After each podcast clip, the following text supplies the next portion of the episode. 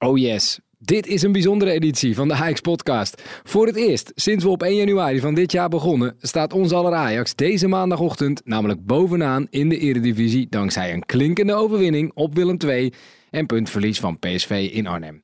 De titel longt en daar wordt in Nederland keihard aan gewerkt. En dat weet jij als luisteraar van de Ajax podcast natuurlijk ook. Maar wist je dat er 10.000 kilometer oostwaarts ook een delegatie van Ajax keihard werkt? Ja, ik wist dat wel, want Anne en ik mochten een paar weken geleden kennismaken met twee Ajaxiden, twee helden, twee pioniers die de Ajax-filosofie uitdragen in China. Dit is Ajax 1,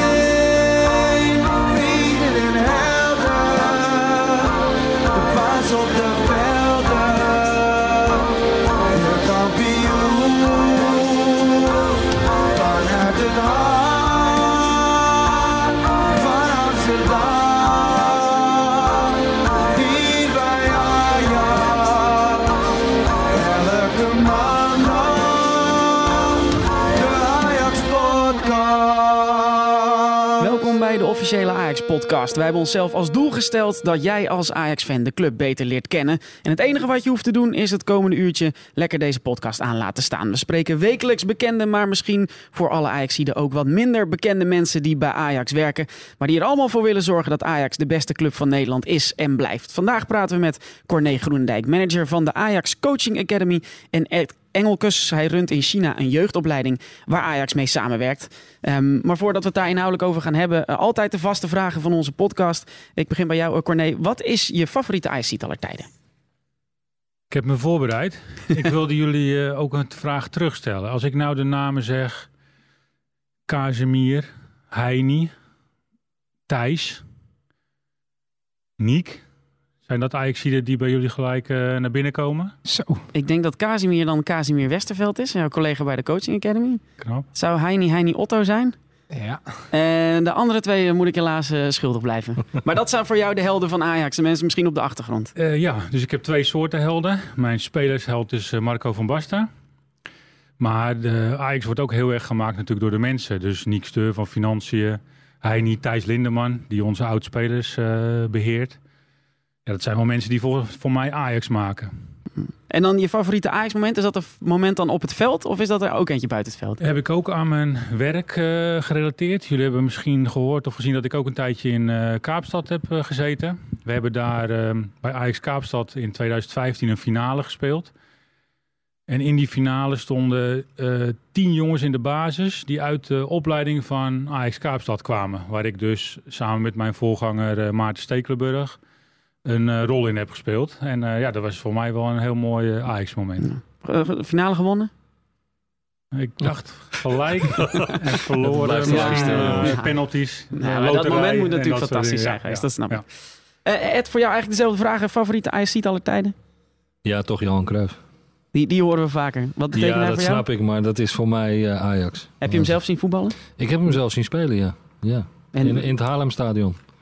En maar, ja, eh, dat, eh, dat, dat was voor mij dichtbij en eh, dat is eigenlijk de club waar ik vandaan kwam. Dus dat was ook vrij logisch dat ik hem daar heb gezien. ja. maar heel veel mensen praten natuurlijk met nostalgische gevoelens over Johan Cruijff. Maar op dat moment had je toen al het gevoel... dit is echt een van de beste die ooit een, een voet op een voetbalveld heeft gezet. Nee, nee, je kunt wel zien, de, de man had zoveel kwaliteiten, maar dat hij zowel als speler als als coach ehm, deze stappen zou gaan maken, nee, dat, dat voorzie je op dat moment niet. Je kunt wel zien dat, dat iemand natuurlijk heel goed is, eh, maar goed, je moet ook een beetje mazzel hebben soms. En eh favoriete Ajax moment?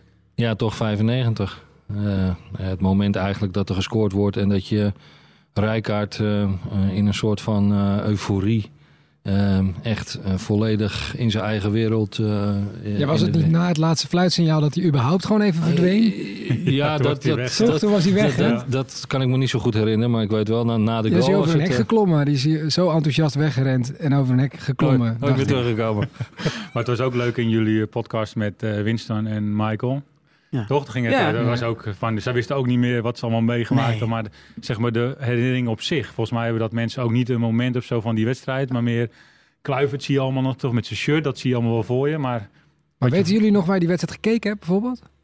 ik was thuis. Ja, ik ben ook thuis geweest. Ja. Ja. En met wie? Maar waar, ja, geen idee. Ik weet, ik sla weet me- ook ik denk dat ik eh, gewoon met mijn vrouw en mijn dochter. Mijn dochter die was een jaar.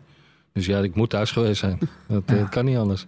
Weet jij het, Anne, of niet? Nee, ja, nou ja, ja, want het is ook mijn favoriete Ajax-moment aller tijden. Ik ben namelijk de dag na die finale ben ik fan van Ajax geworden.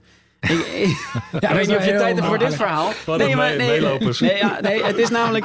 Ik heb die wedstrijd zelf niet gezien. Ah, je was zeven, hè, of zo? nee, ik was, eh, ik was eh, vijf of zes. Ja, oké. En ik was, eh, ik was eh, die ochtend na de finale, ik had er niks van meegekregen nog. Maar ik was ziek naar huis gegaan. Ik mocht naar huis smiddags. En toen werd smiddags die finale herhaald. En toen zag ik Ajax voor het eerst. En als kleine jongen en je ziet een team winnen, dan denk je: oké, dit, is, dit is mijn voetbalteam. Dus ik heb pas een dag na Wenen 95 die wedstrijd gezien. En toen dacht ik: ja, dit is mijn team waar ik dan, dan fan van word. Ja, en je woonde in Friesland, Ik dus je in had niet echt een, echt een Nee. team in de Ja, buurt. niet echt sociale wereld. Dus. Nee, nee. Dus toch, moet- jullie? Ja, ja, nou ja, dat, dat was al een tijdje geleden. We zaten toen eh, met de team Klompen achterin en zo. Ja, dan, dan word je toch maar voor, eh voor Kluivert en, eh en Liedmanen. We kunnen deze podcast zo, zo onderhand de, de 95 podcast gaan noemen, want het gaat wel heel vaak eh, over, over, over de Champions League finale van 95, maar het is ook gewoon echt een mooie herinnering. Ik, ik was overigens thuis met mijn broer. Ja. Eh, en volgens mij was ik eh, ja, ook iets van acht of negen, maar ik, ik was al wel voor Ajax. Maar dat kwam ook omdat mijn broer voor Ajax was. Ja. Wij, gaat zijn- het. wij zijn oud, hè? Wij hebben ons Nee, nou, bij ons was de echte tegenstelling uit Feyenoord. Dus, eh, Ja, dat maar we was, zijn wel een eh, stuk ouder dan deze jongens. ja. En nu broertje gewoon clubkaart van de club en eh, Ja, ja. altijd hier. Nou, Dus, ik zal ook altijd blijven gaan. We hebben ons kamp weer, weer opgezet eh, in de persruimte van Sportpark De Toekomst. Dat is eh, het opleidings, eh, de opleidingsplek van Ajax, waar natuurlijk ook jong Ajax speelt. Misschien ben je er zelf wel eens geweest. En eh, we zitten hier dus met deze twee heren om het niet over 1995 te hebben. Misschien zal het zo nu en dan nog eens ter sprake komen. Maar Corné Groenendijk, jij bent de manager van de Ajax Coaching Academy. Ja, je zult even uit moeten leggen wat dat is. Dat zul Ja. je al vaak hebben gedaan. Ja, ik ga, ik ga het toch proberen te doen alsof ik het voor de eerste keer doe. Nee, met Ja. hetzelfde enthousiasme. Ik ga Dat doe ook zitten, Ja, ja. dankjewel. Ajax Coaching Academy is drie jaar geleden begonnen als een organisatie binnen Ajax om de kennis die we binnen Ajax hebben te verzamelen en ook te delen. Dus eigenlijk is het uitgangspunt geweest wat wij doen bij Ajax. Daar ligt zoveel bewijs onder dat we dat goed doen. Hoe leiden wij jeugdspelers op? Hoe scouten wij jeugdspelers? Hoe leiden we die op? En waarom komt het dat wij zoveel talent hebben opgeleid over de afgelopen 100 eh, jaar? Nou, dat is omdat wij dingen heel erg goed doen. Nou, wat is dat nou precies wat we goed doen? Hoe kunnen we dat vastleggen? En hoe kunnen we dat delen met onze partners? En dat is eigenlijk de kern van de Ajax Coaching Academy. En wie zijn die partners? Die partners zijn, ehm, wij hebben de ambitie om zowel binnen als buiten Ajax te delen. Dus wij proberen onderdeel te zijn van ontwikkelingen die plaatsvinden. Wat, hoe gaat het in jeugdvoetbal? Wat gebeurt er allemaal? Hoe kunnen we daar met elkaar over in gesprek zijn om steeds voor te blijven lopen? Maar we hebben ook al heel lang, eh, vroeger hadden we de HED, ik weet niet of jullie dat nog kennen, maar dat was de hoofd eerste, tweede klasse partnerclubs van Ajax. Dat heet nu sinds twee jaar de Ajax Partnerclubs, dat zijn er 50. Mhm. Die zijn opgedeeld in drie categorieën. Ajax sterpartners, pluspartners en gewone partnerclubs. 10 sterpartners en dan 20, 20 ongeveer in die andere twee categorieën. eh, zou- zou je ze, je hoeft het niet te doen, maar zou je ze allemaal op kunnen noemen? ja. Ja, oké. En ga je er ook dus regelmatig bij allemaal langs? ja, wij als organisatie gaan bij allemaal regelmatig langs. Dus wat we eigenlijk gedaan hebben is die partnerclubs, die 50, zijn voor ons heel belangrijk voor de instroom van talent. Dus wij hebben twee redenen om die clubs heel belangrijk te maken. Wij helpen hen om beter te worden in wat ze doen in de jeugdopleiding, omdat wij daarmee betere tegenstanders krijgen om tegen te spelen, eh, betere instroom van jeugdtalent. En als zij hun werk beter doen, is dat ook beter voor onze opleiding. Mhm. Hoe hoger het niveau van de instroom, hoe beter voor de Ajax En- jeugdopleiding. En dit zijn amateurverenigingen in Nederland. Ja, en die zitten eigenlijk allemaal in een straal rondom Amsterdam. Eh, oorspronkelijk hadden we een, straal van 60 kilometer, omdat dat dan aan te reizen is voor kinderen die wij scouten eh, vanuit onze jeugdscouting. Mhm. En nog even over dat andere, dus die Ja. partnerclubs, dat is nog een reden waarom we die heel belangrijk maken. We denken ook dat Ajax een verantwoordelijkheid heeft naar zijn omgeving. Dus wij kunnen wel spelers uit clubs halen en die opleiden tot... Hè, dus eh, Matthijs komt bij Apkoude vandaan. Mhm. Wij komen daar langs. Die jongen kan goed voetballen. Kom maar naar ons toe. We vinden het ook belangrijk dat we iets teruggeven aan Apkoude. En we denken ook dat daar een fanbase zit voor ons. Dus mensen die graag... Want voor Eh. iedere Matthijs de Ligt die hierheen komt, blijven natuurlijk de meeste van die jongens in Apkoude voetballen. Maar die worden wel allemaal beter als de jeugdtrainers daar opleiding krijgen of, of kennis krijgen van Ajax. Ja, dat moet ik toevoegen aan mijn eh standaard praatje. Dankjewel. Ja. dankjewel. Ja, oké. Nee, dus dus die, die partners hebben we. Maar, Dan, eh, maar wat maakt een club geschikt om een partner van Ajax te kunnen worden? Kan iedere club dat nu... Ben ben je nog op zoek naar, naar nummer 51 en 52? Ja, we zijn wel ambitieus om dat eh, uit te breiden. Ehm, maar we maken wel steeds meer differentiatie. Vroeger was het 50 partnerclubs en die kregen allemaal iets van Ajax, kennis. Of eh, eh, ze werden uitgenodigd in het stadion, daar gebeurden allerlei dingen omheen. En nu proberen we dat veel meer op maat te doen. Dus die eh, top 10 die wordt helemaal op maat bediend. Wat heb je van ons nodig? Wat kunnen wij voor je doen? Zijn jullie al bezig met videoanalyse? Of wat doen jullie op eh, performance training? Eh, dat gaat vrij behoorlijk de diepte in. En bij de andere is dat wat, ehm, wat minder intensief. één op één, maar meer in groepsbijeenkomsten. Iedereen kan zich aanmelden als amateurclub om partnerclub van Ajax te worden. Eh, we leggen daar wel een maatstaf op. Dus we hebben allerlei criteria waarlangs we die clubs beoordelen. Want 60 kilometer, dat gaat ook nog wel richting bijvoorbeeld Rotterdam. Ik neem aan dat we daar niet zoveel partnerclubs hebben, of wel? Eh, Sparta? Dat is waar. Ja. Maar die zitten niet bij die... Nee, maar Eerste en eh, tweede dus klasse. er zitten nog een andere. Nou, die eerste tweede klasse was van vroeger. Nu Ja. is dat eigenlijk helemaal losgelaten. Nu gaat Mhm. het gewoon om wat kunnen wij voor elkaar betekenen. Hoe goed ben jij in je werk? En dat gaat dan om jeugdopleiding. Hoe hoog spelen jouw jeugdelftallen? Heb je goede trainers in dienst? Eh, hoeveel spelers komen er van jouw club naar Ajax toe? Want dat is natuurlijk voor ons een heel belangrijk criterium. Als zij hun werk goed doen, komen er veel spelers uit die top 10 partnerclubs. Komt eh, meer dan 80% van onze instroom als het gaat om eh, jeugdspelers. Dus dat geeft wel aan dat we die clubs al, al- alleen al voor het eigen belang van Ajax heel belangrijk zouden moeten Dus is maken. één ding wat ik me dan bedenk. Dat, dat betekent eigenlijk ook wel dat de interesse van Ajax in zo'n club... eh, in ieder geval in het, ook in het investeren in zo'n club... natuurlijk vooral ligt bij de jongste jeugdhelftallen eigenlijk. Ja. Eh, op een gegeven moment ben je... Ja, je gaat niet meer iemand eh, zoals Dirk Kuyt uit het eerste hier naartoe halen. normaal Nee, die tijd is voorbij, denk ik. Ja. Ja. Ja. Dus onze focus is eigenlijk helemaal op de onderbouw. Dus daarmee, we, we nemen geen afstand van de andere elftallen. Maar wij focussen ons op de onderbouw. Omdat we heel ook transparant willen zijn naar de club. Voor ons is het belangrijk dat de beste talenten uit Amsterdam en omgeving bij Ajax komen spelen. En die scouten we in die leeftijden. En nou heb ik eh, en Anne ook op een bedroevend laag niveau eh, gevoetbald. En wa- wat ik, wel, wat ik wel af en toe zag, ook in de, de provincie waar ik vandaan kom. Ik denk dat ik net niet uit de straal van 60 kilometer van Amsterdam kom. Misschien net wel. Maar ik zag wel heel vaak, dat ik, heb jij ongetwijfeld ook gezien Anne, van die eh, VV, eh Schubbekutteveen, eh support Ajax. Maar dat is, dat is niet zo'n samenwerking, toch? Dat is gewoon eh Zo'n bord langs het zo'n veld. bord langs het veld. En dan hing er ook vaak één van Feyenoord. Ja. Dan denk ik, wat is het nou? En dan van de lokale dat- slager. dat kan Kom je wel uit. Gouda of zo, precies in het midden? Of? Nou ja, ongeveer. Ja, ja. Oh, ik kom uit de buurt. Jij bent, nou ja, nee, ja, ik, ik kom uit een, een, een dorpje dat eh, aan de lek ligt. Uh, Ameide, VV Ameide. Prachtige derde klasse. Bekend. Eh, daar, ik denk dat ze, nee, dat zeker. Maar wat mij opvalt is daar hangen, eh, in die, in die competitie waar ik vroeger altijd speelde, eh, hingen daar altijd van die borden. Van, Ja. van, Partners die bij ons horen krijgen ook uitingen daarvan aangeboden. Dus daar doen we wel iets mee. Je kent ze, die borden Ja, langs de velden precies, ja. en vlaggen, dat soort dingen. Dus wij proberen wel te promoten. En clubs zijn ook wel vaak blij ehm, dat ze bij ons horen. En dat vinden wij natuurlijk ook prettig. En het is ook inderdaad, wij, een van onze nieuwe partners is bijvoorbeeld Westlandia. Dat zit eh, bij Den Haag in de Ja. buurt, in het Westland. Nou, dat is wel een, een gebied wat door ADO, Sparta en Feyenoord ook ehm, eh, bediend wordt, zeg maar. Maar is dan ook wel de regel, de- jullie mogen gebruik maken van onze kennis, maar eh, als Feyenoord dat ook met jullie eh, hun kennis wil delen en ADO dat met jullie kennis wil delen, eh, mag dat dan ook?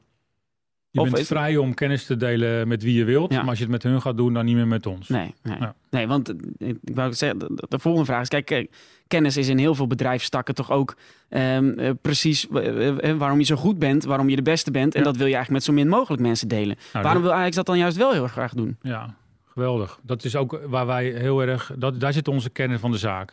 Dus wat, wat wij als beste doen in de wereld, de beste jeugdopleiding van de wereld, is dat wij eigenlijk heel goed weten hoe dat moet. Toptalent opleiden, vinden en opleiden tot Champions League eh, niveau spelers. Nou, als wij daar heel goed in zijn, dan is die kennis natuurlijk van waarde.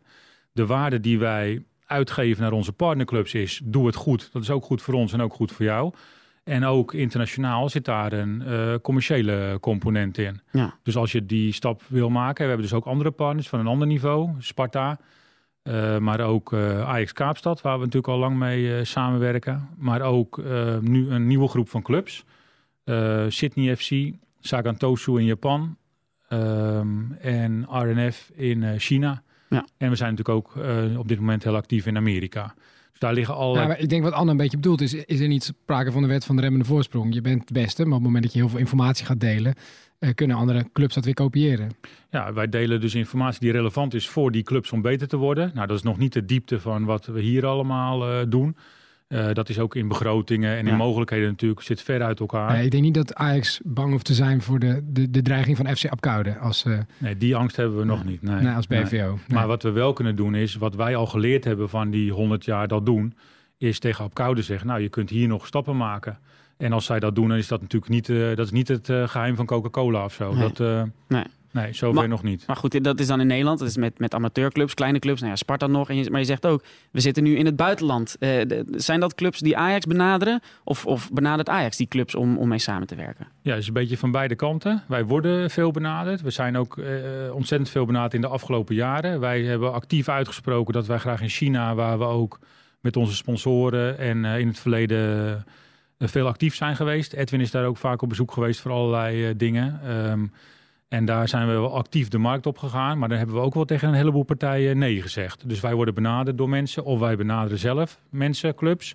Maar dan zeggen we ook wel vaak nee. Dus de bedoelingen moeten wel altijd gestoeld zijn op voetballen. Ja, Dus wij kunnen clubs helpen die graag de beste jeugdopleiding willen hebben van hun land of omgeving. En die daar ook in willen investeren. En die ook lange termijn doelen nastreven. Ja. Dus er zijn best wel veel commerciële partijen die graag met ons willen samenwerken. Om ons merk eraan te koppelen.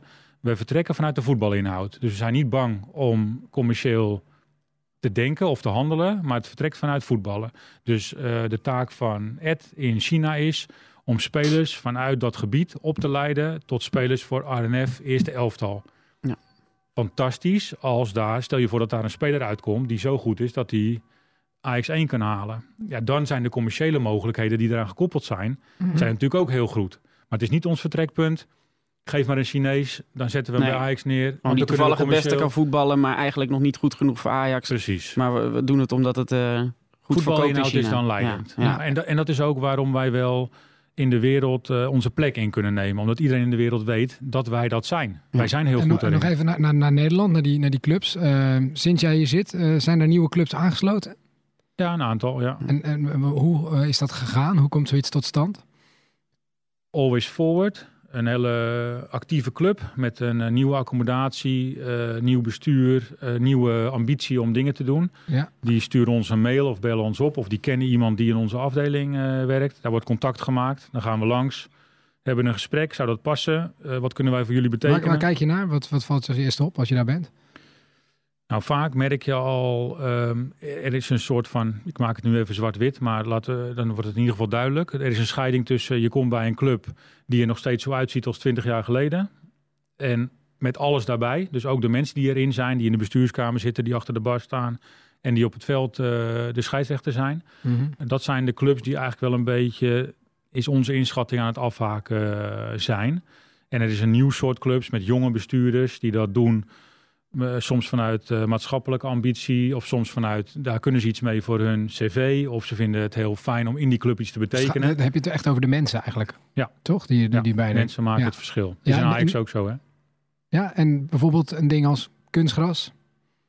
Nee, Helemaal niet. speelt geen rol. Nee. Nu is er in het, ehm, eh, het voetbal, zag ik laatst op het journaal, wel ook nog een soort verandering ook van trainingsmethode van de jongste jeugd gaan. Er worden nu proeven gedaan dat je niet meer de hele week, de, nou, het, heet niet meer F'jes en E'tjes, maar het heet nu de onder, onder 12's, onder 14's. Dat je niet meer de, de beste van de onder 14's in onder 14-1 hebt en onder 14-2 en 3 en 4 en 5, die allemaal los laten trainen. Het idee is nu, nee, we moeten ze misschien ook één of twee keer in de week gewoon allemaal door elkaar laten trainen. Want Ja. er wordt iedereen eh, eh, beter mee, gaat iedereen mee in de vaart der volkeren. En degene die eigenlijk in die eh, onder 14-1 zitten, of onder 12-1, die kunnen misschien ook wat leren van slechtere spelers op dat moment helpen. Ja. Is dat iets waar Ajax ook, waar, waar dan ook over na wordt gedacht, wat misschien ook goed kan zijn? Of, of hebben jullie eigenlijk juist liever dat die jeugdclubs al een soort selectie maken van dit zijn wel echt de beste. Ja. En, en eigenlijk naar die andere teams hoeft Ajax misschien niet te kijken.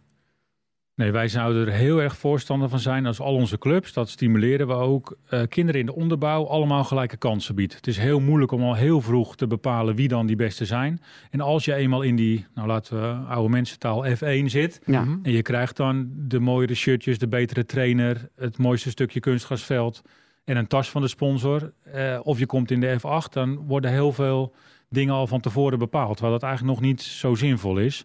Je kunt toptalenten wel al heel vroeg zien. Dus dat is voor ons vaak wel bij Waar, de... Waaraan zie je dat dan bij, bij een acht- of negenjarig jongetje of meisje? Ik eh, nodig jullie uit om eh Casimir Westerveld eh, een keer uit te nodigen. Hè? Ja, die Die, is daar beter in. Die willen we graag Ja. een keer. ja, nee, zeker. Ja. Anders bemoei ik me met dingen Maar dat is ook een beetje het eh, geheim van de Smit. Hè? Ik bedoel, inderdaad, scouting heb ik altijd iets heel fascinerends gevonden.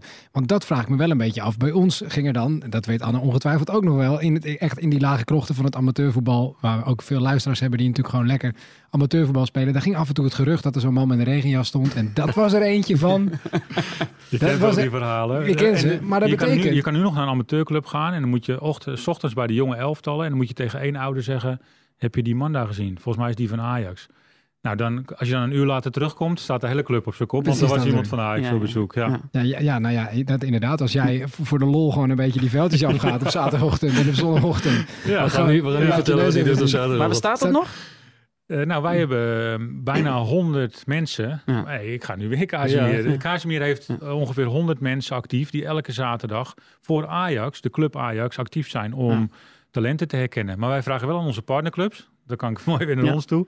Wij vragen wel aan onze partnerclubs, als jij denkt dat je talenten hebt die wij nog niet gezien hebben, dan vinden we dat je die aan moet melden bij ons. Dat je ons even moet bellen Ja. en zeggen, Want, want dat was mijn vraag. eh, en dat kan ik me goed voorstellen eh, als je ook eh, ouder bent en je wilt je kind naar een voetbalclub brengen. Maar je hebt eigenlijk de stiekem droom dat hij natuurlijk ooit bij Ajax terechtkomt. Kun je hem dan beter bij Always Forward brengen? Of maakt dat niet uit? Kun je, kun je wat... Nou, wij denken wel dat die top 10 clubs van ons, maar daaronder zit ook een hele groep van ambitieuze clubs die het ook heel goed voor elkaar hebben. Maar die top 10 clubs, die zullen in veel landen als eh, profclubs worden gezien. Dus wij vergissen ons ook soms natuurlijk in, als je nu naar Zeeburgia gaat of naar AFC en je ziet de accommodatie. Je ziet wat daar allemaal gebeurt, hoe professioneel dat is op mensengebied, maar ook op accommodatiegebied.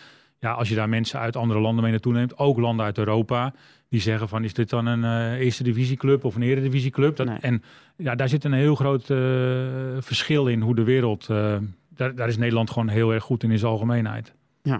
Ehm, dan eh, toch weer even richting het buitenland. Daar is Ajax nu ook heel veel mee bezig. Wa- wat kan Ajax... De, Ajax heeft dan een, identiteit als het gaat om het opleiden van, eh, van jeugd. Dat, dat is interessant voor heel veel clubs, vertelde je net. Maar wat, wat betekent dat dan concreet? Wat is dan die Ajax-manier van jeugd opleiden? De inhoud daarvan of hoe wij dat in het buitenland, eh, Nou ja, de inhoud, de, de, de grote lijnen. het geheim van de smid. Nou, niet, je hoeft niet alles eh, tegelijk te vertellen, maar je, maar je zult ongetwijfeld een keer hebben moeten pitchen eh, w- wat dat dan is dat Ajax mee kan brengen. Nou ja, heel vaak. dat horen Nou, we ook graag. Het belangrijkste wat wij inbrengen, en dat is ook een, eh, een onderdeel van ons rijke verleden, is dat wij eh, bewijs hebben. Wij leiden elk jaar spelers op voor de top. Dat is al een uitgangspunt om ons te benaderen. Dus het resultaat is natuurlijk al leidend. Hè? Dus daar zit al een heel eh, aanknopingspunt voor iedereen. En wat wij zeggen dat daaronder ligt, is eigenlijk de samenhang van alle activiteiten. Dus van scouting, onderbouw, middenbouw, bovenbouw, eh, videoanalyse, performance, eh, omgaan met eh, data en science. Maar ook de supportafdeling, de hele toekomst, de eh, Club. Het feit dat alles bij ons zo goed georganiseerd is. En wij voegen daar nog een deel aan toe, de Ajax magie. Dus het feit dat wij Ajax zijn, in zo'n mooie stad zitten, zo'n rijk verleden hebben. Ja. Eh, ons shirt, onze, onze spelers, Johan Cruijff. Ja. Eh, het feit dat wij zoveel staf hebben die na een topcarrière weer bij ons terugkomt om terug te geven aan die cultuur. Hè, niet alleen onze CEO en technisch directeur, maar ook Michael en eh, Winston, Richard Witsch, Aaron Winter. Al die gasten die terugkomen geven aan ja, die, die cirkel van, Ja, van En voetballeven. dit is natuurlijk in, in, in, bij, oh, bij de, de clubs in Nederland en sommige in Europa waar je een bal mee hebt, is dat lijkt me is Ajax Magic. Nou, je hoeft het mij sowieso niet uit te leggen. Nee, ons allemaal niet. nee. Iedereen heeft het in 95 gezien. Maar om dan even bijvoorbeeld naar, naar het, eh, eh, China, daar is eh, eh, volksport, eh, eh, voetbal niet per se voor volksport nummer 1. Daar heeft Ajax geen historie. En dat hebben ze in Sydney ook niet. Eh, is het moeilijker dan de man te brengen in China? Nou, veel lastiger als in Nederland, ja zeker. Ja. Het is natuurlijk eh, sowieso in cultuur al een heel ander land. Eh, maar ook in, eh, in, in voetbalgeschiedenis, ja. Er, er is geen voetbalcultuur zoals wij dat hier kennen. Hier kun je in elke, elk dorp, op elke hoek van de straat... kun je lid worden van een voetbalvereniging. Ja, dat is in China zeker niet het geval. Maar als je dan nu dit verhaal hoort, eh, is dat in China net iets anders? Kun je dan... Nou, net wel heel iets anders. Ja.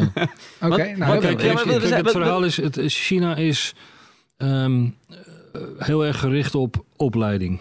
Dus ouders vinden het belangrijk dat hun kinderen heel erg goed worden opgeleid. Natuurlijk is dat in Nederland ook zo. Ehm, maar in China is het ook heel gebruikelijk dat kinderen op hele jonge leeftijd al keuzes moeten maken om eh, ver te verhuizen. Om ergens een opleiding te gaan volgen die gekoppeld is misschien wel aan een, eh, aan een voetbalopleiding. Mhm. Ehm, alleen dat is niet zo vanzelfsprekend eh, richting een voetbalopleiding gaan. Dan, dan dat de kinderen hier in Nederland op voetballen gaan. Eh, ze doen het wel, maar vaak op school. Ehm, en, en dat zijn niet eens voetbalscholen, dat zijn gewoon opleidingen. Waar dan toevalligerwijs gevoetbald, gebasketbald, gevolleybald, eh, tafeltennis. nou, Zoals Diederik en ik vroeger eh, klasgenootjes hadden die gingen voetballen nadat ze hadden leren zwemmen. Dat, dat is daar eigenlijk helemaal niet. Nee, veel minder als Ja. hier. Maar Kijk, hoe ik- kiezen jong, jeugd dan toch voor het voetbal? Ja, kijk, natuurlijk is het zo dat ehm, eh, voetbal niet onbekend is in China. Hè. Ze hebben natuurlijk de, de, de Super League daar. En, en daar zien ze natuurlijk eh, volwassen spelers, eh, ervaren spelers, ook spelers vanuit het buitenland inmiddels, eh, hun wedstrijden spelen. Dus het is niet zo dat het volledig verstopt zit. Het is natuurlijk best groot aan het worden. Ehm, omdat je ook grotere namen haalt. Hè. Er spelen heel veel Brazilianen in China. Nou, die zijn bekend. En ze volgen de, de Engelse Premier League volgen ze op tv. Dus kinderen maken natuurlijk wel eerder kennis al met, eh, met, de voetbalsport. En willen dus ook, ehm, als ze hun nou, rolmodel zien, zeg maar, hun voorbeeld zien. En net zoals dat wij vroeger, nou, Corné noemde Van Basten, ik noemde. Ehm, als je dat soort spelers zag, dan wilde je zelf ook voetballen. Nou, dat is natuurlijk in China, dat is in China niet anders. Nee. Maar dat is misschien wel iets dat niet een historie heeft zo lang Nee, als in dat Europa. klopt. Dat klopt. Of in, in Zuid-Amerika. Nee, dat klopt, dat, dat ontbreekt. Weet je, want je zit er nu een jaar in China. Weet je ongeveer hoe, wanneer dat dan... Dat de, dat de Cristiano Ronaldo's en Messi's en de Engelse competitie... dat dat ook eh, bekender werden in, in China? Nee, we hebben gisteren wel eh, eh, voorlichting gehad daarover. Maar ik heb niet exact op mijn netvlies. Voor mij hebben ze iets van 76 genoemd gisteren. Ja, volgens mij is er is ook een groot verschil tussen zij kennen. Er is ook een Chinese basketballer natuurlijk in de Ja. NBA. Zij kennen alle topsporters wel. Alleen het wordt totaal niet gezien als een carrièrepad. En daar zit eigenlijk het grote verschil. Ze Ja. volgen de Premier League, die is elke dag op televisie. Ja. En die ziet iedereen, maar nooit in de vertaling van dat vertalen naar een droom. Als Ja. je in Amsterdam geboren wordt, of in Ameide, of in Friesland, dan heb je de droom. eh, je gaat op voetballen en je droomt om in het eerste te spelen van je club. Of misschien wel ooit bij Ajax te kunnen komen. Nou, dat, de- volgens mij zit daar het grote En, verschil. en dat is dus jouw taak ook een beetje. Eh, Om een soort evangelist te zijn. eh, eh, en, Ja. en te Nou, dat, eigenlijk. doet, dat doet hij ook goed hoor. Nou ja, ik ben al. eh, nou ja, ik- mij hoef je sowieso niet te overtuigen. Als ik ooit een zoon krijg of een dochter. Ik hoop absoluut eh, dat hij of zij bij Ajax gaat spelen, Ja. natuurlijk. En dat zal in Nederland vaak zo zijn. Maar eh, ik, ik kan me in, in- van jullie beide banen gewoon heel goed voorstellen dat je constant aan het uitleggen bent hoe cool Ajax is. En, en, en dat het een. Dat het Ja, een dat, ik, hoef, ik hoef het niet meer uit te leggen aan de mensen waar wij mee werken. Hè, ik hoef alleen maar filmpjes te laten zien en eh, eh, die zijn helemaal blind van Ajax. Hm. We zijn hier, verleden jaar zijn we hier met een eh, groep spelers en een groep coaches geweest. Ja, het moment dat ze hier binnenlopen, dan kunnen we ze eigenlijk loslaten en zeggen, nou, we zien jullie aan het eind van de dag. ja, maar dan zijn ze hier. maak- ja. Maar dat, dat is natuurlijk niet het, eh, het hoofd Nee, van een vijfjarig jochie. En, nee, eh, maar dat, dat, ja, dat zul je duidelijk moeten maken aan de hand van, van beelden. Maar kijk, als ik hier een vijfjarig kind in Nederland beelden van Ajax van vroeger laat zien, eh, dan zullen ze Cruijff ook niet herkennen. Dan denken ze ook, wie is, dat, wie is die man? Nee, maar dat zit, het zit hier natuurlijk in, in, in onze cultuur. Ja. Ehm, ik heb wel eens in een boek van Simon Kuper gelezen dat uiteindelijk op het moment dat ehm, Ghana, China, eh, landen met een grote populatie, als die goed georganiseerd gaan zijn en, vo en, en voetbal gaat daar ehm, eh, ook echt eh, belangrijke, de belangrijke positie innemen zoals hij bij ons heeft, dan maken we als Nederland nooit meer een schijn van kans op het WK. En dan gaat China altijd de finale halen, of Ghana. Of, Als je op basis van aantallen zou praten, zou dat kloppen. En als je op basis van ehm, eh, wat je net zegt, georganiseerd zijn eh, eh, praat, dan, dan zit daar heel veel waarheid in. Zijn wij naar je harten? Ja, ik heb dit boek ook 15 jaar geleden gelezen. En nou, er is inmiddels niet heel vaak iets uit China. In ieder geval. Nou, kijk, nee, maar eentje, er is er nu eentje naar, naar Espanyol gegaan laatst. Een Chinese speler. En, Ja. en volgens en mij alle wereldkampioenen die er ooit geweest zijn, zijn uit een land met een voetbalcultuur en verleden. Ja. Of direct daaraan vast. Er, er zijn Ja. geen wereldkampioenen uit andere landen. Maar het is, de aantallen spreken natuurlijk voor zich. ja, dat en is voor ons ook eh, interessant, toch? Zeker die landen in de Hoorn van Afrika. eh, eh, qua bouw ook. Hè. Op een gegeven Ja. moment had je, dat was wel zo, begin deze eeuw. had je ineens heel veel spitsen en, en middenvelders die allemaal toch wel ook uit, uit de Hoorn van Afrika kwamen. Dat je dacht, ja, als dat zich doorontwikkelt. Nou, die organisatiestructuur heb ik een paar jaren van redelijk dichtbij mogen volgen. Daar hoeven Ja. we ons nog geen zorgen In over te maken. Zuid-Afrika was dat, ja. Ja.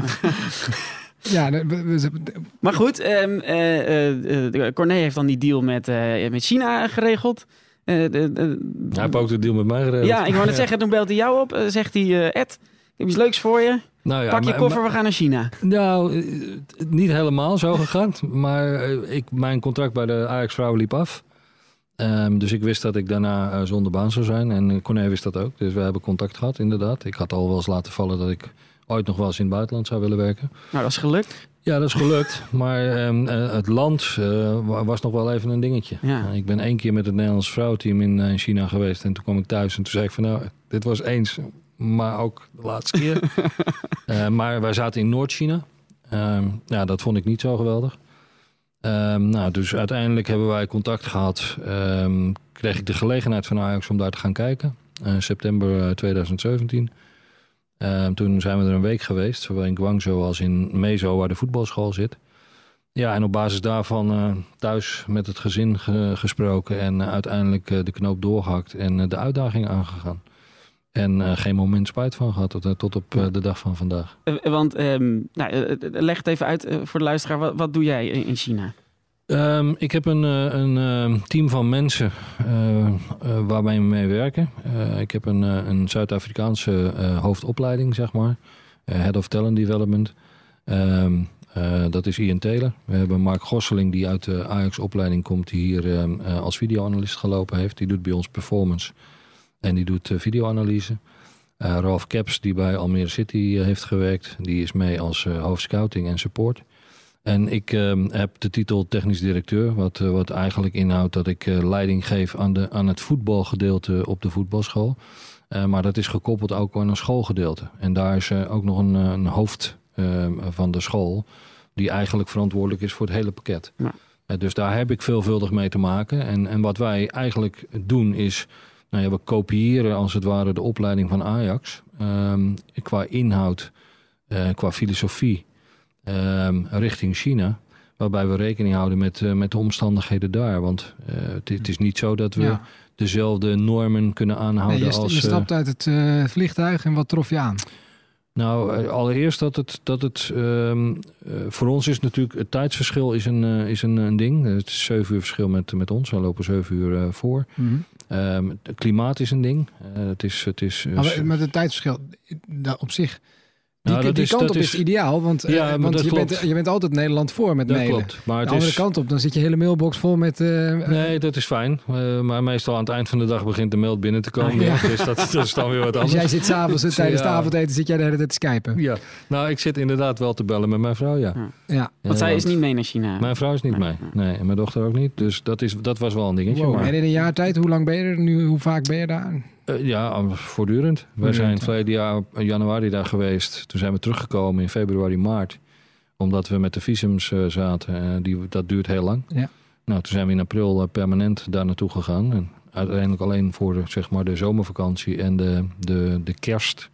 Ehm, en dat was eigenlijk nog een beetje bij de gratie van, de, van de, het hoofd van de school. Want daar is natuurlijk kerst en oud en nieuw kennen ze niet. Ja, Nee, dit- en nu hier op februari. Ja, ja, februari. vorige week toch? Daarom kon je weg misschien. Daarom eh, hadden wij werkbezoek. ja, want het is, we nemen dit op in februari, net na het Chinese eh, nieuwjaar. Ja. Ehm, je, je zegt het tijdverschil, dat soort dingen trof je daar aan. Maar, maar hoe was de organisatiestructuur? Nee, facilite- faciliteiten zijn prima. Eh, faciliteiten zijn uitstekend. Tuurlijk, ehm, eh, het is onvergelijkbaar met hier.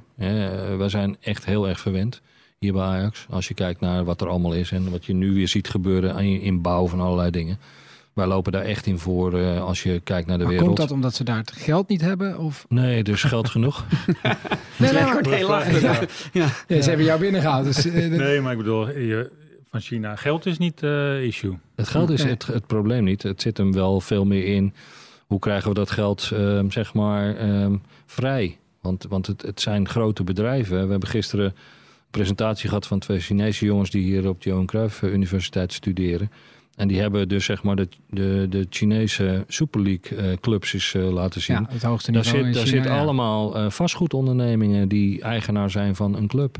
Dus er zit ongelooflijk veel geld. Nou, dat merk je ook wel aan het soort spelers dat er natuurlijk aangetrokken wordt. En Ja. hoeveel geld dat er ook geboden wordt voor spelers uit Europa. Nou, ook het perspectief van de club waar wij mee samenwerken, RNF. Die heeft een, bij het eerste elftal als totale club ongeveer een begroting die Ja, ongeveer maar dit is gelijk is. even mensen die het een beetje van zijdelings volgen. Dit is niet die ene club die elke kampioen wordt. Dat is Dat die is andere club uit dezelfde stad. Evergrande zit in Ja. dezelfde stad, maar alle CSL-clubs worden gesteund door, eh, door behoorlijk eh, powerful bedrijven. Mhm. En het bedrijf waar wij mee samenwerken heet RNF. Dat is ook een real estate, een bouwer. Maar die hebben de club RNF, de voetbalclub, heeft een begroting ongeveer zo groot als die van ons. En dat is een paar procent van de begroting van het totale bedrijf. Dus, Dus het is allemaal financieel hartstikke gezond. Ja. Maar wat tref je aan? Hoeveel velden zijn er? Wat, eh, Ehm, dan moet ik warme douches? nou, het, het verschil is, die kinderen leven op de accommodatie. Dus we hebben 330 kinderen daar, allemaal jongetjes. In de leeftijd van 8 tot, eh, nou laten we zeggen, 17 jaar. En die zijn daar voortdurend. En die komen ook uit alle hoeken van China. Die, nou, eh, we hebben heel veel locals. Zeg 80% is local. En eh, we hebben 20% wat dan van wat verder weg komt maar uit China, China omliggende is een provincies. enorm land. Wat, wat Ja. is, lo- is local ook 60 kilometer rond? Eh, eh, nee, local is echt mezo en omgeving. Dus dat is alles binnen, een, laten we zeggen, binnen een uur. Maar er zitten ook kinderen die wonen in de volgende provincie. Eh, en de provincie Guangdong is net zo groot als Frankrijk. Dus En er wonen alleen in die stad wonen al 4 miljoen mensen, zei je net. 5 miljoen. Ja, Ja, dat dus is het platteland. grote dat is potentie, platteland. Ja. zou je in ieder geval zeggen. Ja, dat, maar dat hebben we net ook een beetje geprobeerd uit te leggen. Kijk, dat is een, wel een groot verschil met, met Nederland. Kijk, ze, ze kiezen niet automatisch voor het voetbal. Hè, dus ouders vinden eigenlijk dat, ze, dat dat geen beroep is.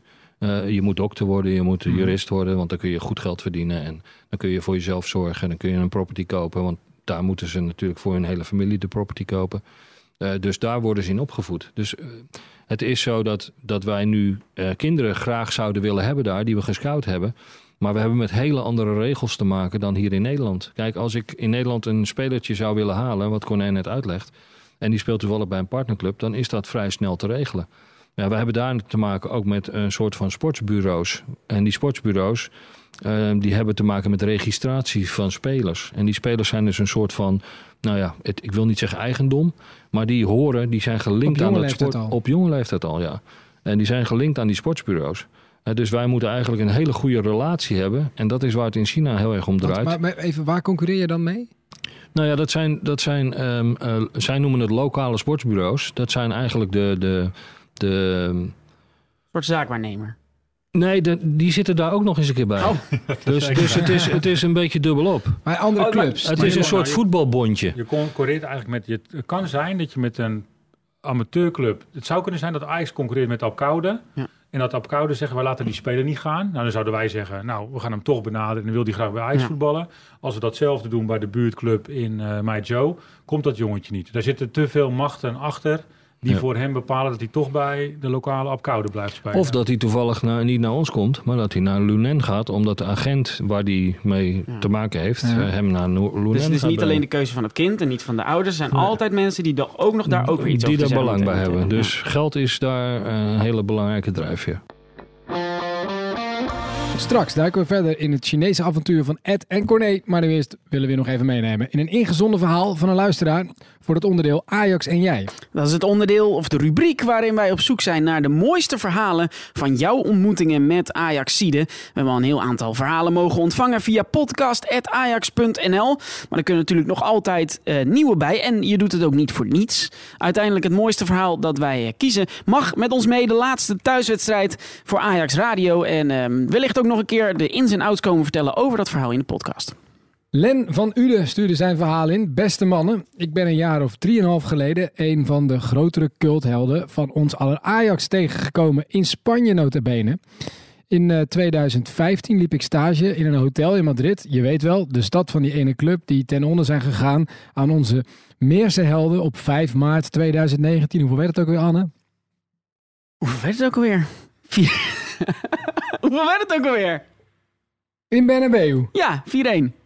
Meen je dit? Nee, ja, ik, ik weet dat we gewonnen hebben. Ik, ik stuur naar buiten. eh, Ik stuur naar buiten. Zullen Is even- echt waar? Zullen we het even opnieuw doen? 1-4. 1-4. 14. Kom, oh ja. Kom, laten we deze maar Nee, even nee, opnieuw nee, doen. ik ga verder. Nee, nee, Ik nee. ga jij verder. jij Nee, mocht nee, het drie nee, keer nee. opnieuw doen. Ik ga verder. Nee, Nee, nee, dit gaan we niet opnieuw nee. doen. Je gaat je, je, gaat je ja, schamen ja, huis. nee, ja, kom op. Ik had een vrij saaie taak. Nee. Waarbij ik koffers van gasten naar hun kamer moest brengen. Ik verveelde me dagelijks tot dat ene heugelijke moment. Niemand minder dan onze langharige vriend Marco Pantelic stapte uit de... Ben jij nog niet naar buiten? Stapte uit de taxi om in te checken in ons hotel. Ik kon mijn ogen niet geloven. Tot mijn spijt was Marco licht geïrriteerd. Ik vermoed na een lange vlucht met Iberia of iets dergelijks. Ik wilde hem in eerste instantie niet storen in deze gemoedstoestand. Toen ik bij zijn kamer aankwam en zijn koffers neerzette, zei ik: Thank you for, thank you for choosing our hotel. Een lichte twijfel van mijn kant en daarna: And thank you for the time playing for the most beautiful club in the world, Ajax. Hij keek me kort aan en direct daarna ontstond een grote grijns op zijn gezicht, welke snel plaatsmaakte voor een bulderende lach. Thank you for supporting us, zei hij met een handdruk. Mijn dag kon niet meer stuk. En als kers op de taart gaf Pantelic me ook nog eens... Hoeveel denk je, Anne? Hoeveel fooi? Eh, nou, dat moet, moet wel een tientje zijn, denk Ja, ik. een tientje fooi. Dubbel mooie dag dus. Ik vind eigenlijk... Mooi verhaal dit. Ja, hè? Groetjes van. Len van Uden. Tientje, Anne? Ja, ja. Vind je? Tientje? Nou, dat is toch lekker erbij? Dat is lekker erbij, maar hey, het is Pantelic. Ja. Hey. Nou goed, oké, een tientje voor je. Eh, en Len van Uden zet er ook nog bij dat hij een trotse seizoenskaarthouder is. Natuurlijk. En fan van ons aller Ajax. Een goed verhaal. Heb jij ook zo'n mooi verhaal? Ben je wel eens in het ziekenhuis tegen Ronald of Frank de Boer aangelopen? Is ingestuurd. Ehm, en wist je niet wie het was? Eh, heb jij een jonge Philippe Louis gepoord? Dat is ook gebeurd. Stuur verhaal in naar podcast.ajax.nl. Aan het einde van dit seizoen kiezen we dus degene uit met het mooiste verhaal. En de winnaar mag het komen vertellen bij de laatste wedstrijd van het seizoen. 12 mei tegen FC Utrecht. Je mag ook tussen ons in zitten, maar dan moet je wel weten hoeveel het in Madrid gewo- geworden is. Je mag tussen ons in zitten bij Ajax Radio de perstribune. Dus stuur je verhaal vandaag nog in naar podcast.ajax.nl. Gaan we nu verder met Corné en Ed. De Ajax Podcast. Loopt er een Ajax 1 eh, speler rond in de jeugd daar?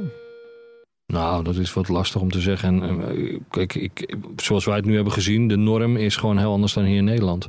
Eh, ik denk dat je het op dit moment moet vergelijken met een hele goede amateurclub. Ehm, toen wij daar kwamen, ehm, toen hadden we zoiets van: oké, we moeten wel gewoon echt heel hard aan het werk. Ehm, en dan zit het vooral meer in het opleiden van de coaches, waar we heel druk mee zijn. Ja. Eh, dat niveau is echt heel anders dan in Nederland, veel minder gestructureerd. Eh, maar ook met een hele andere achtergrond eh, kinderen ehm, ontwikkelen. Dus het is, het is veelal, ehm, jij doet iets niet goed en dan wordt er gewezen.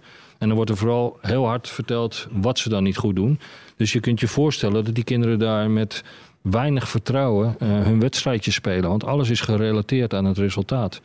En voor ons is het juist belangrijk dat we die, die kleine kinderen centraal stellen. Dat we de ontwikkeling van de individu centraal stellen.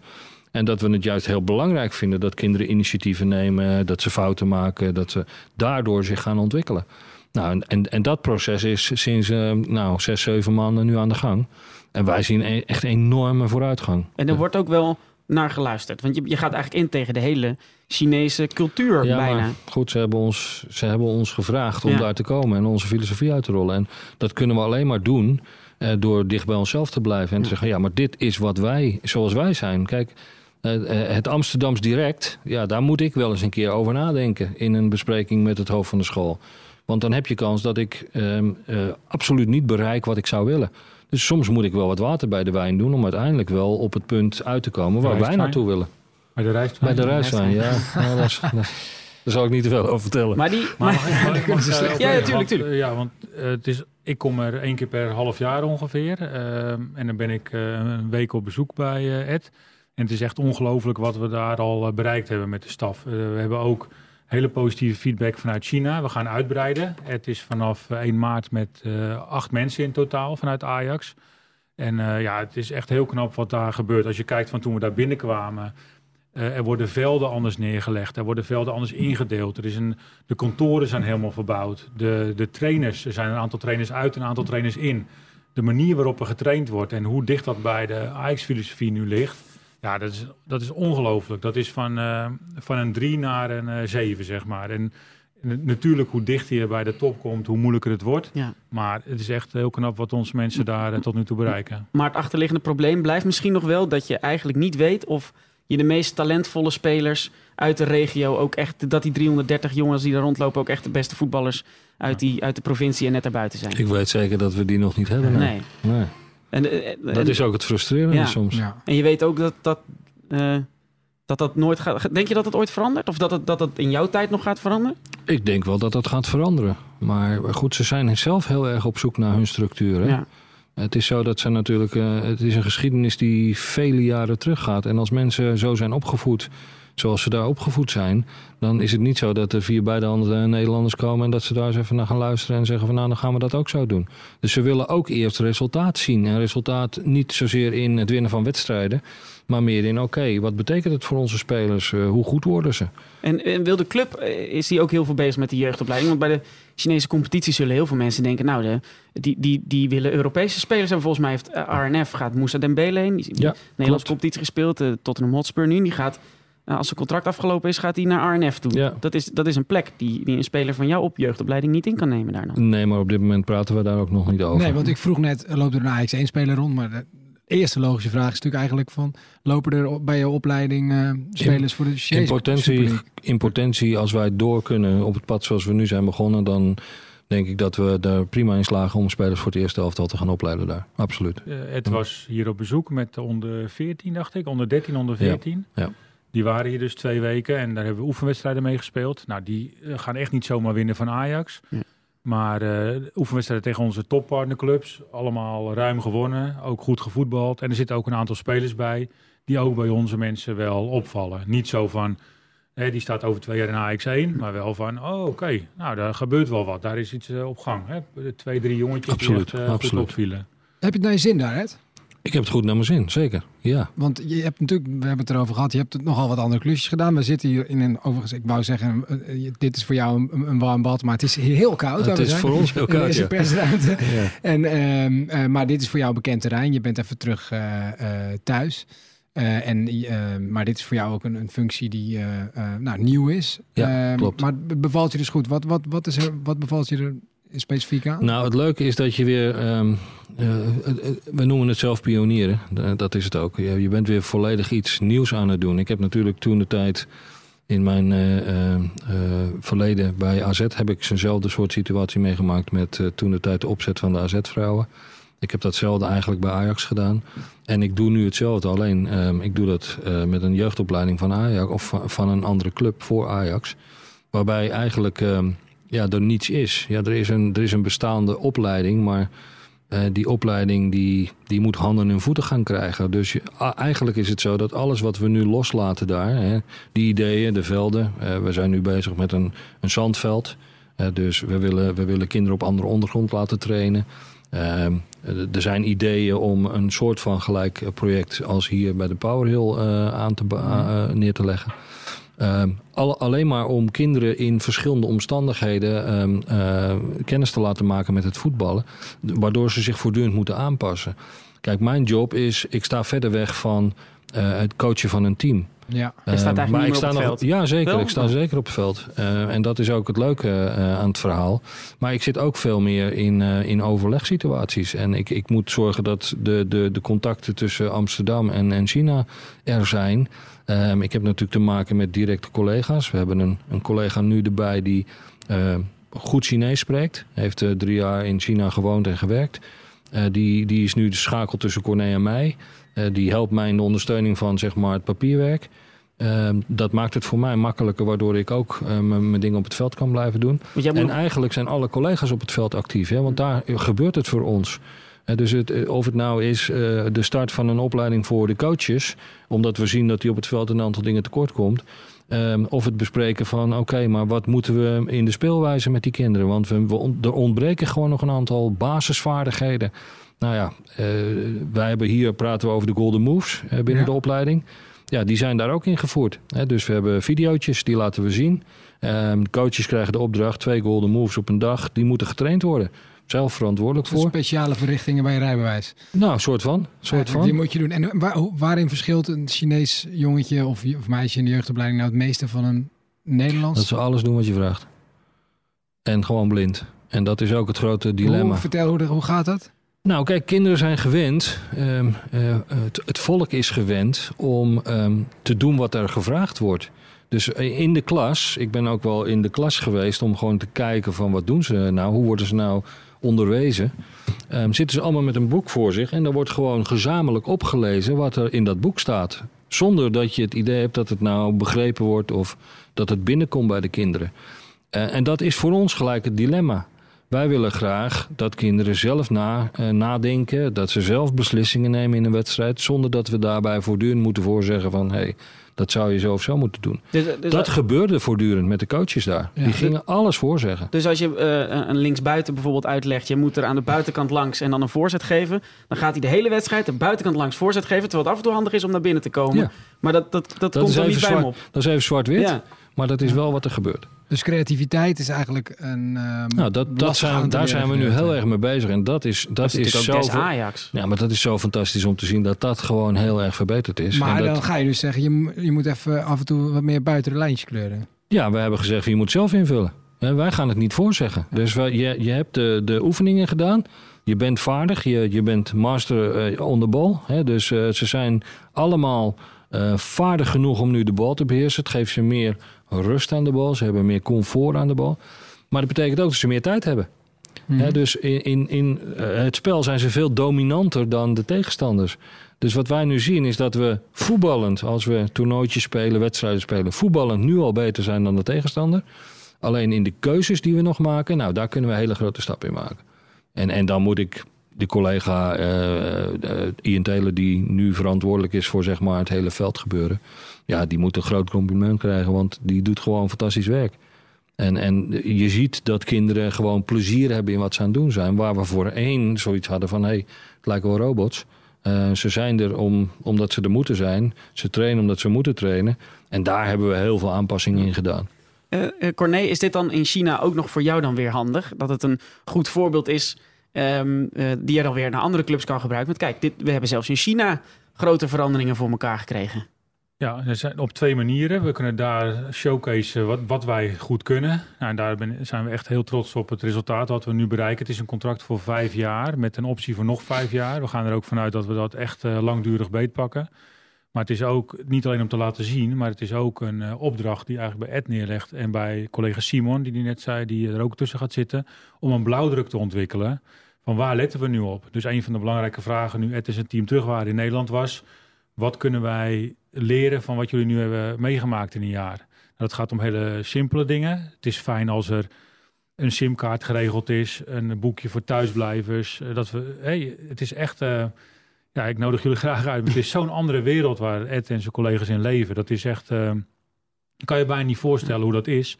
Hey, dus je kan je wel voorstellen, ik ga op vakantie naar China. Dat zit misschien nog bij mensen nog wel in Mhm. beeld. Maar daar elke dag leven en alles meemaken wat daar gebeurt. Ja, En- hoe leef je het? Woon je, heb je een appartement? Eh, Ja, woon je in een hotel? Ik woon prachtig. Ik heb, ehm, ehm, het, alles is wat dat betreft super voor elkaar. We hebben, je moet het zo zien, de taal is echt een, een, een probleem, een barrière voor ons. En dat, dat kost gewoon tijd. Eh, dus we hebben, we hebben vertalers, we hebben tolken. We hebben vier tolken op de school. Nou, die helpen ons ook op het moment dat we iets met ons huis hebben, ons appartement. We hebben twee appartementen. We hebben een, een appartement in de stad eh, waar iedereen leeft. En we hebben een appartement op de school. Dus je- maar dit betekent dus je woont ook met je collega's? eh, Nou, niet samen, maar wel in de buurt. Ja. Ja. Ehm, en we hebben een, een chauffeur eh, met, de, met, de, met de auto. Die pikt ons ochtends op. En wij wonen vrij dicht bij elkaar. Dus we worden, ik word als eerste opgehaald en dan vervolgens komen de collega's. Dat is, heeft meer met de route te maken dan met positie hoor. Ehm, dus vervolgens rijden we dan naar school. En dan worden we om half acht eh, ehm, gedumpt, zeg maar. Nou, dan hebben we allemaal ons eigen appartement. Dus dan kun je ook je, je spullen kwijt. Eh, en dan gaan we om acht uur eh, staan we op het veld.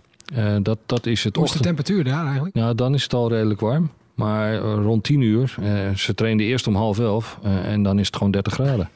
Dat is gewoon niet te doen. Dus dat heb je ook maar gelijk veranderd. Dus dat hebben we gelijk Ja. veranderd, ja. En dan heb je wel te maken met school. Maar het leven, het leven is anders op basis van het feit dat er eh, in de stad zelf ehm, weinig vertier is. Dus eh, ons, ons werkleven is uitstekend. Eh, alles prima voor elkaar. Eh, maar het sociale leven, nou, daar, heb je, daar heb je elkaar. Ik denk dat er in heel mij zo, nou, als we misschien 10, 15 buitenlanders wonen, is het veel.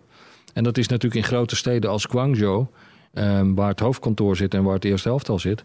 Ja, daar heb je een expat eh, eh, community waar Ja. mensen eh, vanuit meerdere eh, Europese landen leven. Maar jij spreekt vooral je collega's, dus je, je mandarijn wordt op die manier ook niet beter op. Of, eh, Nee, dat klopt. Dat klopt. En dat, dat is ook wel een, een aandachtspunt.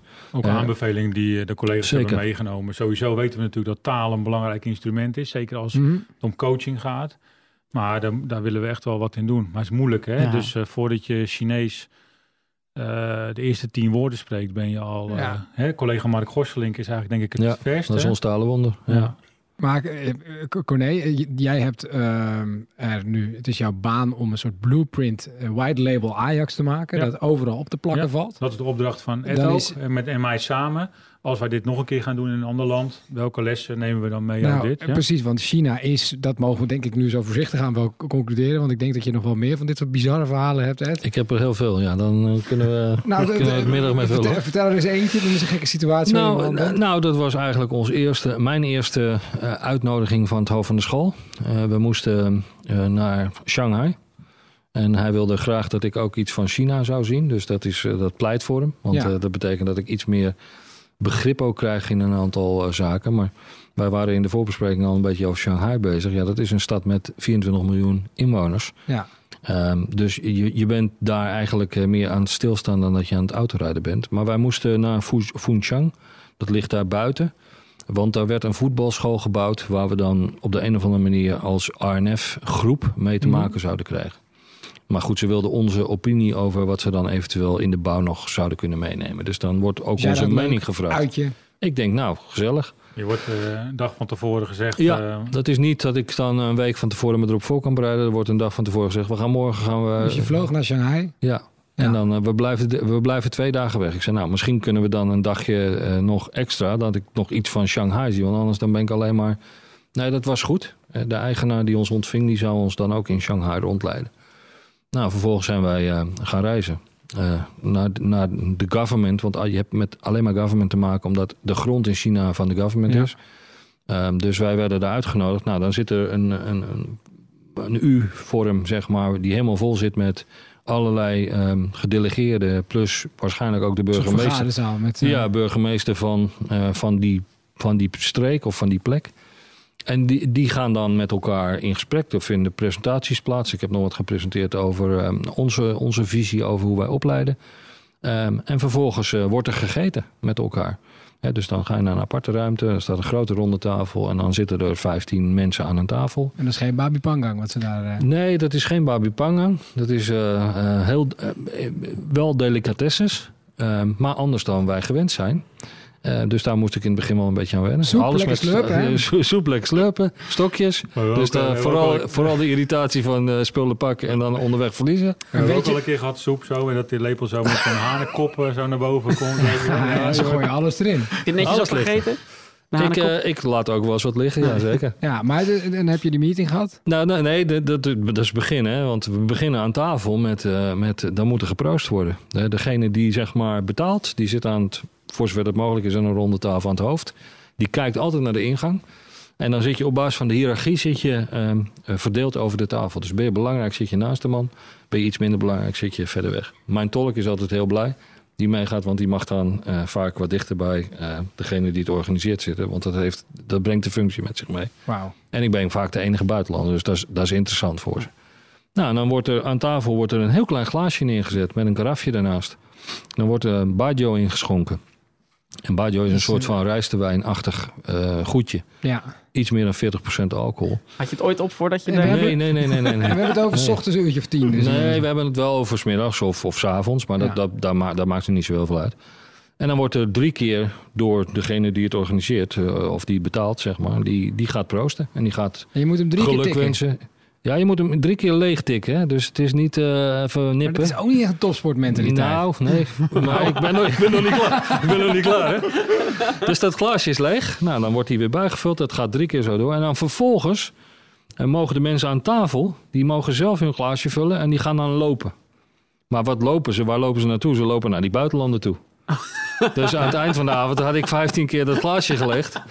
En toen had ik wel zoiets van, oké, Ze mogen nog als, dit, als dit het wordt, moet ik even wat slimmer En worden. toen moest je nog naar die club toe. En toen, nee, toen waren we wel klaar. Maar toen, toen gingen we daarna gingen we nog ergens anders naartoe om weer te, e- weer te eten. Ehm, dus toen hebben we nog ergens buiten gezeten en gegeten. En toen, kwam er, toen werd er bier gedronken. Dus eh, ze wisselen het wel af. Terwijl Chinezen toch Veel eten en drinken. slecht tegen alcoholkunde. Nee, ze zijn om negen uur zijn ze volledig eraf. Maar dit, het speelt ook wel een rol in de cultuur.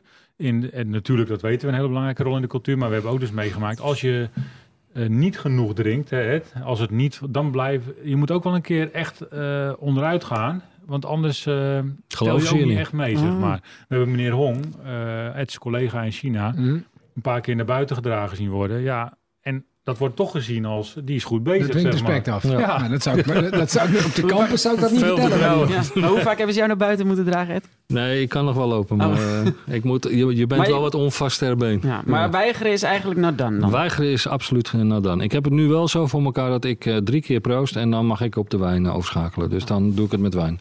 En dat is, dus schenken maar een heel klein beetje wijn in, dus dat, dat houdt heel aan vol. He- heb jij al een paar keer gedacht, Corné, waar heb je me in godsnaam naartoe gebracht? Ja, ja, een paar keer al. Dat En weet je hij, dat- dat weet ja? hij ook Ik hoor. neem niet op.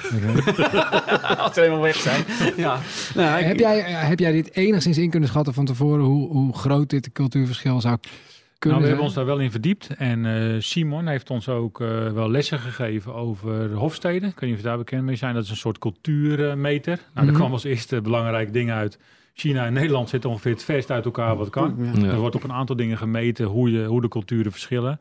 Dat is gewoon heel ver uit elkaar. En ik ben daar regelmatig geweest. Al een aantal keren ook voordat de collega's erheen gingen. Gezellig meegeproost. Ja. Ja. Maar wat ik niet in kan schatten is hoe het leven daar is. Ik heb wel geprobeerd om mijn ervaringen uit eh, Kaapstad en voor Ajax op een andere plek zijn. Om die ook met het team heel erg te vertalen naar wat kunnen wij voor onze mensen doen om het zo goed mogelijk te maken.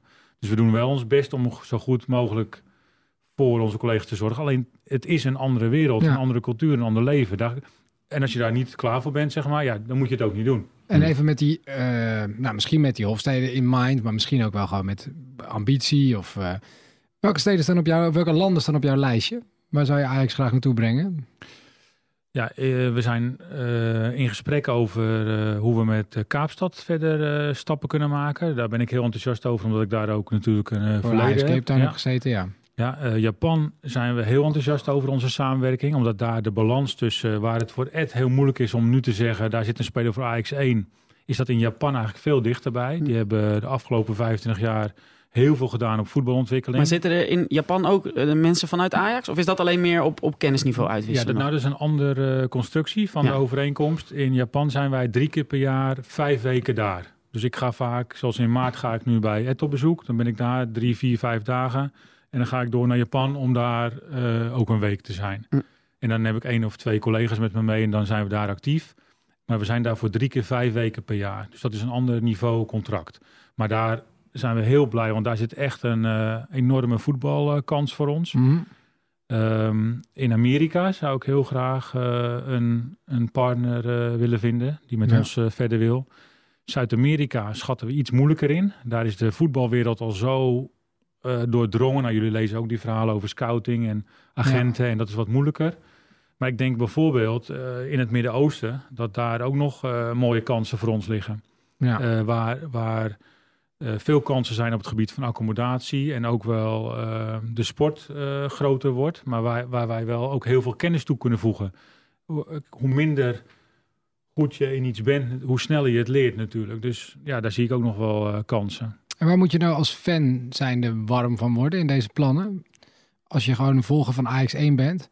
Ehm, Als je volger van Ajax de club bent ja. of Ajax 1. Nou, laten we. Nou, de meeste mensen die volgen van Ajax de Club zijn, eh, die, die, nou, die luisteren misschien deze podcast of eh, ze checken wel eens wat filmpjes. En gewoon een, een, gemiddelde Ajax-fan. Ehm, wat, wat, wat heeft die er aan als we naar het Midden-Oosten gaan? Ah, dat, dat is eigenlijk best wel overzichtelijk, vind ik. Wat wij eraan hebben is, eh, kijk, het Ajax van 95 zit diep in onze harten, maar bestaat voor veel mensen in de buitenwereld niet meer. Als wij in Amerika zeggen, we waren de jongste ploeg die de eh Europa Cup finale speelde, dan zeggen ze, wanneer was dat dan? En dan zeggen ze, oh, tegen Manchester United. Dus ze weten wel Manchester United, maar Mhm. niet... We moeten ons gewoon realiseren dat we niet meer zo groot zijn in het buitenland als wij denken. In alle landen van de wereld kan je de Premier League, La Liga, Bundesliga elke dag op tv zien. Eredivisie, niks. Dus Ajax moet zich bekommeren om eh, in het buitenland actief te zijn, omdat wij onze naam groot willen houden. Wij, willen- Ja. wij willen talent naar binnen kunnen halen. Daar hebben mensen die supporters zijn wat aan. Hoe beter wij bekend staan in het buitenland, hoe meer talent wij aan ons kunnen binden. Dus eigenlijk zijn jullie er ook voor aan het zorgen dat, ehm, wat mij nog steeds in ieder ver buitenland gebeurt, namelijk met taxichauffeurs die ik niet versta, gewoon een beetje kruif roepen, gullet Check. roepen en Ja. dan eh, komt het allemaal goed. Dat Zo dat over precies. 20 jaar ook nog kan. Zo is het precies. En ehm, ik weet niet, ja, wij zeiden al, wij zijn iets ouder, maar toen wij, eh, toen ik op vakantie ging eh, met 18, 19 jaar naar Griekenland, dan hing het Ajax-shirt eh, vooraan de nep-shirts-lijntjes. Ja. Kan je nu niet meer kopen. Dus wij moeten ons wel realiseren dat wij echt moeten investeren om onze naam groot te houden. En dat dat, zou ook wel helpen als Ajax gewoon misschien de Champions League dat zou heel erg helpen, ja. zou winnen. ja. Maar, maar ons, ons krachtigste merk zit aan Matthijs de Licht vast. Even als voorbeeld van. Dus de resultaten zijn heel bepalend en in het verleden zeker. Maar wij staan. Ik geloof erin dat wij meer bekend staan als de opleiders van Johan Cruijff en alles wat daarna gekomen is. Dan dat wij om onze prijzen per se bekend staan. Dus Ajax 1 moet spelen voor prijzen. Mhm. Maar alle mensen die bij Ajax werken moeten zich ook realiseren dat het, het merk Ajax groter is dan alleen het eerste elftal. En dat de opleiding daarin, de opleiding van het scouten en opleiden van talent eigenlijk de centrale eh, taak is die Ja. wij innemen in het voetballandschap. En naast Matthijs de Ligt natuurlijk ook eh Luis Suarez, eh Zlatan Ibrahimovic, spelers die eh, voordat ze naar de Via absolute Ajax, top gaan, ja. in- via Ja. Ajax eh, Ja, dat, dat, dat doen. En dat, dat slepen ze natuurlijk allemaal weer mee. En luister maar naar de interviews die die jongens geven Ja. die er bij ons komen spelen. Die spreken altijd over de naam van Ajax, omdat ze dat kennen van, eh, van vroeger, van die taxichauffeurgesprekken. Zij weten wat Ajax is. En wat ze dan zeggen is, ik kan daar de beste worden die ik kan zijn. Ja, Nou, want ik, want ik speel. Je krijgt de kans als jonge speler. Wat natuurlijk bij heel veel clubs niet zo is. En dus Ajax 1 supporters of alle club supporters, die hebben daar al heel veel aan. Maar ook het feit dat wij in heel veel van onze projecten ook eh, inkomsten genereren. Dus dat eh, onze Chinese partner eh, gewoon eh, geld naar ons overmaakt voor de nou, dienst. dus, eh. ja, precies. Nee, dat, dus dat is het sponsorgedeelte eigenlijk. Nou, dat vinden wij sowieso ook leuk. Want dan kunnen we Ja. die podcast blijven maken. Onder andere. Eh, jullie hadden het al over dat het taalproblemen af en toe met zich meegeeft. Ook in Japan en in China. Diederik had er wat Ja. op verzonnen. Ik ga het even pakken. Dan Oh ja, dan kan ga jij uitleggen ondertussen wat het uit. is. Ja, klopt. Ja, we geven... Gaan we een quiz doen? Nee, nee, dat niet. We, gaan, ja, we zouden er ook een quizje van maken. Maar nee, ja, ik, omdat ik dus ook, eh, eh, ook voor werk een aantal keren in China ben geweest. En, en, en daar op dat probleem stuitte. En ik wist dat je er pas een, een jaartje Dus ik denk dat kan nooit helemaal eh, ehm, goed gaan. Dankjewel. Eh, we geven altijd een, een aardigheidje aan, aan onze gasten. Omdat we het leuk vinden dat jullie de tijd nemen eh, om over je werk te vertellen. En omdat het ook natuurlijk te gek is dat Ajax, eh, ehm, ja, dat er zoveel mooie verhalen, zoveel honderden mensen bij Ajax werken. Waarvan je eigenlijk geen idee hebt dat ze ook bij een BVO als Ajax werken. Pak Eh, het vooral uit. pak het vooral Pakken, uit. Ik vind het, netjes ik heb het, ik heb er in. China gewoon ontzettend veel aan gehad. En ook in andere uithoeken van, Je van kan de het overal ter wereld gebruiken. Dus ja, het is, eh, het is de, de, de enige universele, het enige universele woordenboek. Misschien heb je het wel eens gezien. Oh ja, ik ken hem perfect. niet, maar... Ja, Het is een point it heet het. Ja. En eh, daar kun je aanwijzen wat je hebt. En dat, kwam eigenlijk als volgt. Ik, ik wist gewoon in China op een gegeven moment niet uit de tekens wat ik, wat ik nou aan het bestellen was. En ik, de, dan zit je gewoon. eh, ik zat kippen, kippenbewegingen te maken. Van, is het kip of, of Ja, dat ik herken ik. Ja, dat herken ik. Ja, dus doe dit in je binnenzak en je wijst Ah, aan. Het is, is het kip? Is Nou, het, dit, is, eh, dit is heel mooi. We hebben een eigen kok op de school. En ehm, we hebben al geprobeerd met eh, eh, gerechten foto's te maken. En dan, dan gaat hij dat namaken.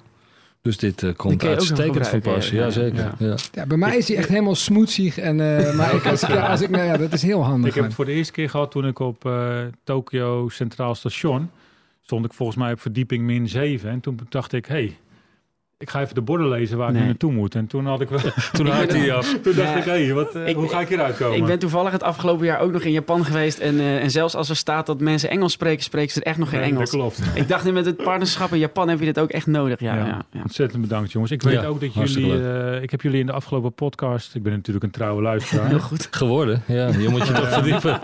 Ehm, dat jullie ook wel op zoek zijn naar om af en toe iets aan te kunnen bieden aan jullie luisteraars. Zeker, ja, dat we eh, leuk. Ja, als ik, no- vinden jullie het nog leuk als ik een eh, getekend shirt eh, van het eerste elftal eh, aan jullie superleuk. aanbied? Ja, nee, echt hartstikke leuk. kunnen Tuurlijk. Ja, dat vinden we heel erg leuk. Ja, nee, dat, Geweldig. En, want we, vroeger Wauw. roepen altijd op eh, om vragen te stellen. En we konden in ieder geval niet aankondigen dat we jullie als gast hadden. Dus we hadden geen specifieke vragen.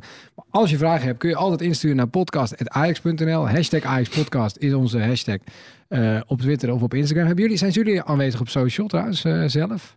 Eh, ik, eh, ik ben eh, aanwezig op Twitter en ehm, eh, dat is Wat het is wel jouw een beetje. Twitter-handle?